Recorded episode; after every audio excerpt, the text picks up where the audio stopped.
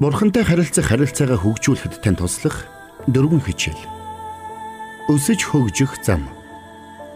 Би Бурханаас гим нүглийг минь өөжшилж, амьдралыг минь өөрчлөөч гэж саяхан гуйсан. Одоо би өөгүй төгс хүн байх ёстой юу? Үгүй ээ. Христэд итгэгч байх нь үргэлж зөв зүйл хийж, ярьж байх ёстой гэсэн үг биш. Харин Христ итгэл нь Бурхантай харилцах харилцаан дээр суурилсан байх ёстой.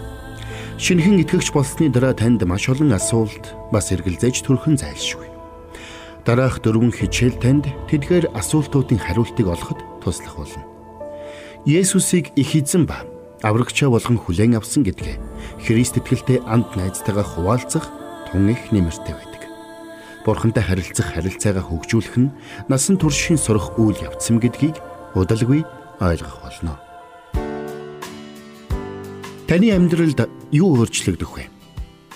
Есүс Христтэй харилцах харилцаагаа ойлгож ухаарах нь Есүсийг та амьдралдаа чин сэтгэлээсээ урьсан бол Бурхантай харилцах харилцаа тань баталгаатай сэргсэн гэсэн үг. Та ингээд хайр инэрлэр дүүрэн бүхнээс хүчит Бурхантай хамт туулах аялалдаан гарахад бэлэн боллоо.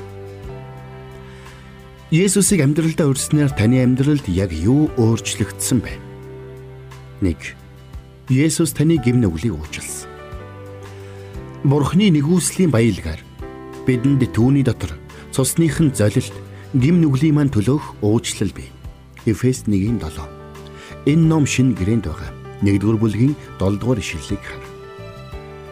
Есүс бидний гимнүглийн төлөөсийг бүрэн төлсөн. Бурхан таны эрх чөлөөг худалдан авч өгсөн гэдгийг мэдснээр таны амьдралд юу өөрчлөгдөх вэ? 2. Есүс танд Бурхны хүүхэд болох эрхийг өгсөн. Харин өөрийг нь хүлээн авсан болгонд өөрийнх нь нэрэнд итгэгчдэд тэрээр Бурхны хүүхэд болох эрхийг өглөө. Тэд цусаар биш, мах бодийн хүслээрч биш, хүний хүслээрч биш, харин Бурхнаар төржээ. Йохан 1:12 13.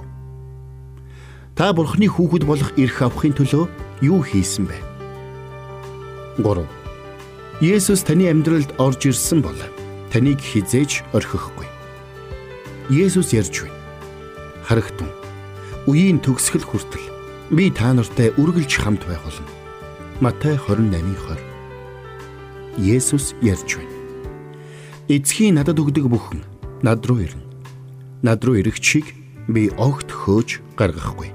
Йохан 6-гийн 37 Есүс таныг орхихоос өөр аргагүйд хүргэх зүйл гэж байдаг болов уу?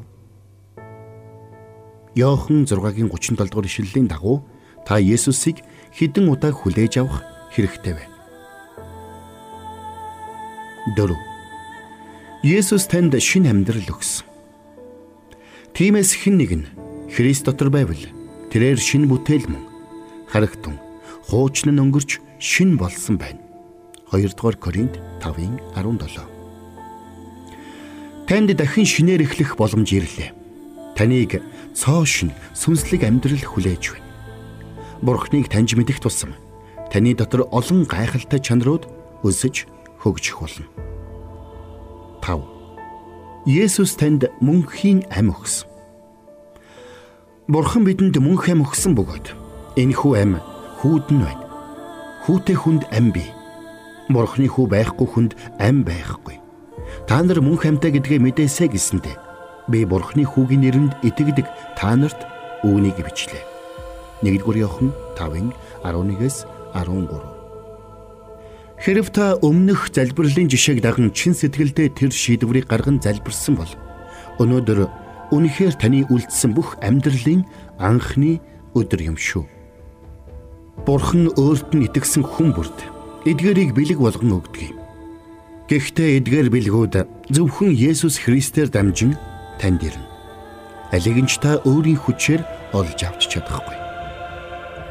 Дээрх таван үнний аль нь танд илүү их утга учиртай вэ? Яагаад? Эргэлзээтэйгээ тэмцэх. Та нэгэнд шийдвэр гаргасан ч эргэлзээ тэнгэлзэл төрөхөн зайлшгүй. Танд шууд Христэд итгэгч болчихсон мэт санагдахгүй шүү дээ дасах хугацаа хэрэгтэй.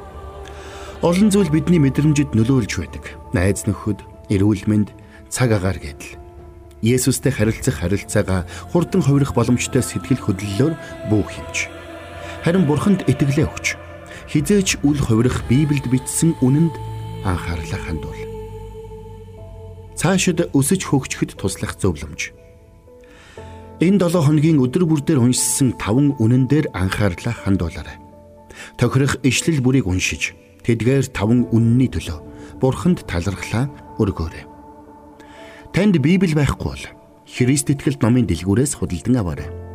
Монгол хэл дээр орчуулагдсан олон янзын Библи бий. Христ итгэлт найзаасаа эсвэл ахлагчаас ямар Библи тохиромжтойг асууж болно. Есүст итгэсэн тухайга энэ 7 хоногт багтаж хэн нэгэнд хэлээрэй. Дүгнэлт.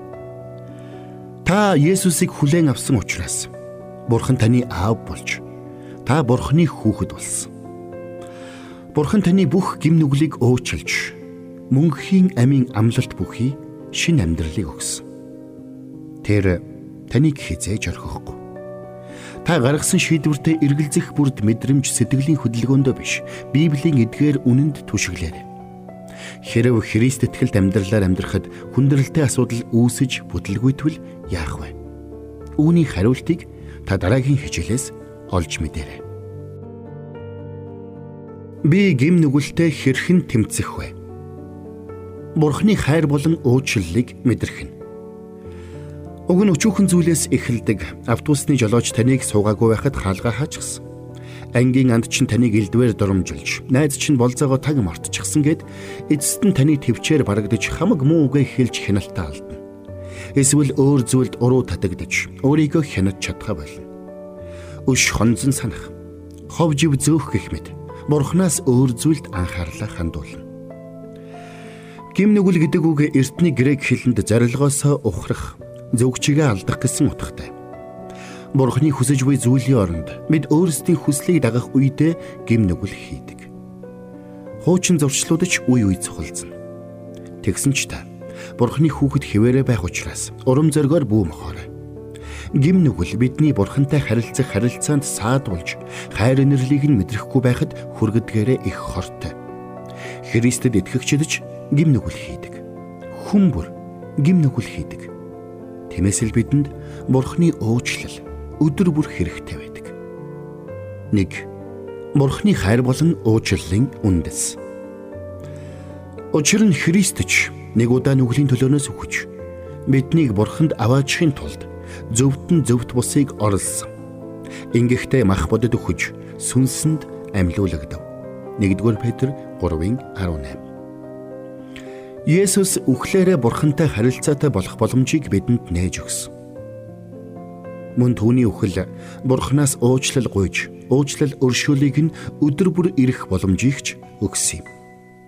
Та нар тэрслэлт ба махан биеийн хөвч хөндөх ёслолоосоо болж үгсэн байхад тэр бидний тэрслэлт бүхнийг уучлж та нарыг түнтэй хамт амьд болгосон бөгөөд бидний эсрэг зарилгуудаас бүрдсэн бидэнд дайсагнаж байсан өрийн дансыг арилгав.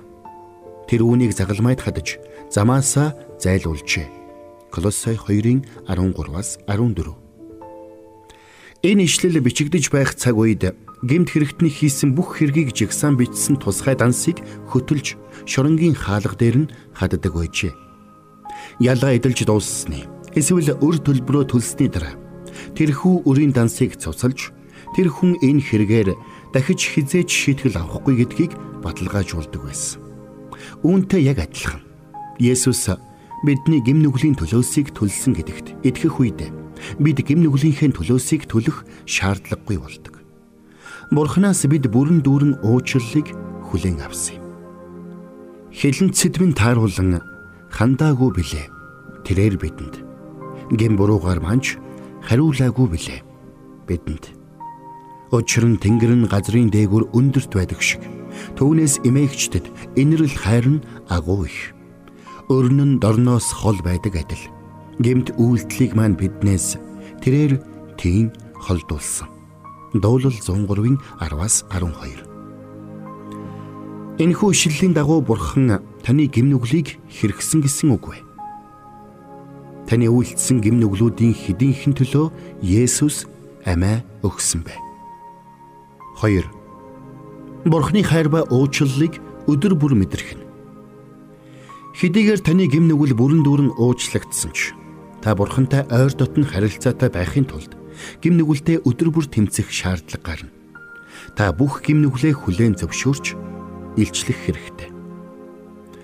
Гим нүглээ хүлээн зөвшөөрөн илчлэх Бурхан таныг гим нүгэлтэй гэж үзэж байгаатай санал нийлэх.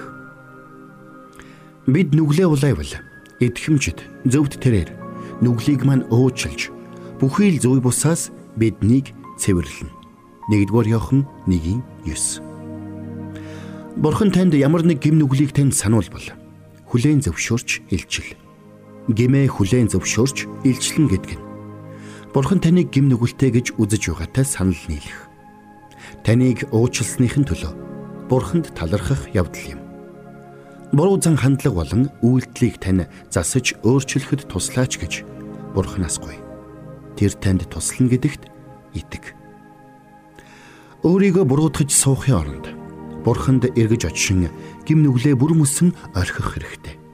Ийхүү гим нүглээ хайснаар та Бурханы хайр болон уучлалыг мэдэрч түүнтэй харилцах харилцаа тань ойр дотн болно. Үйлдэл болгож хэрэгжүүлэх. Яг одоо эсвэл орой унтахын өмнө гим нүглийг минь илчлэн харуулаач хэмээн Бурханаас гуйгаарай хийсэн гим нүглүүдээ цаасан дээр жигсаан бичих нь заримдаа нэмэртэй байдаг. Бурхан болон танаас өөр хинч мэдэхгүй учраас шудраг байгаарай. Жигсаалтаа бичсний дараа 1-р Иохан 1-9-р ишлэлийг дээрээс нь давхарлан бичээрэй. Есүсийн загалмаа дээрх үхлээр дамжуулан бүх гим нүглийг тань уучлсны төлөө Бурханд талархаарай. Бурхны өмнө хэр олон удаа гим нүглээ илчлэх хэрэгтэй бол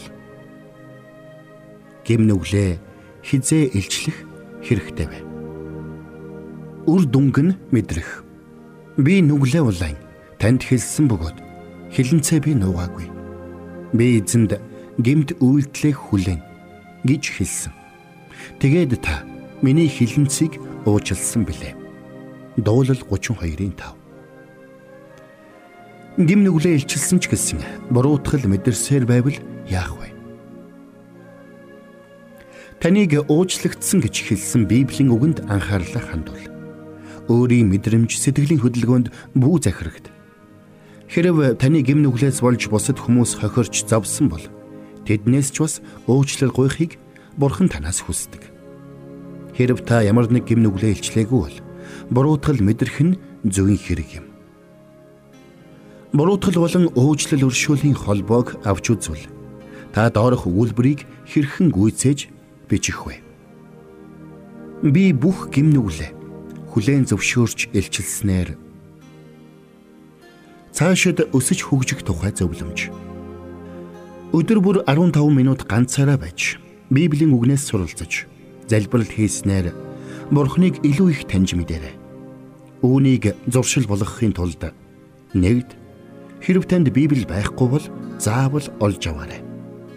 Хоёрд хамаг өв хөрөнгөө үрж дуусгасан хүүгийн тухай Есүсийн ярьсан түүхийг уншаарай.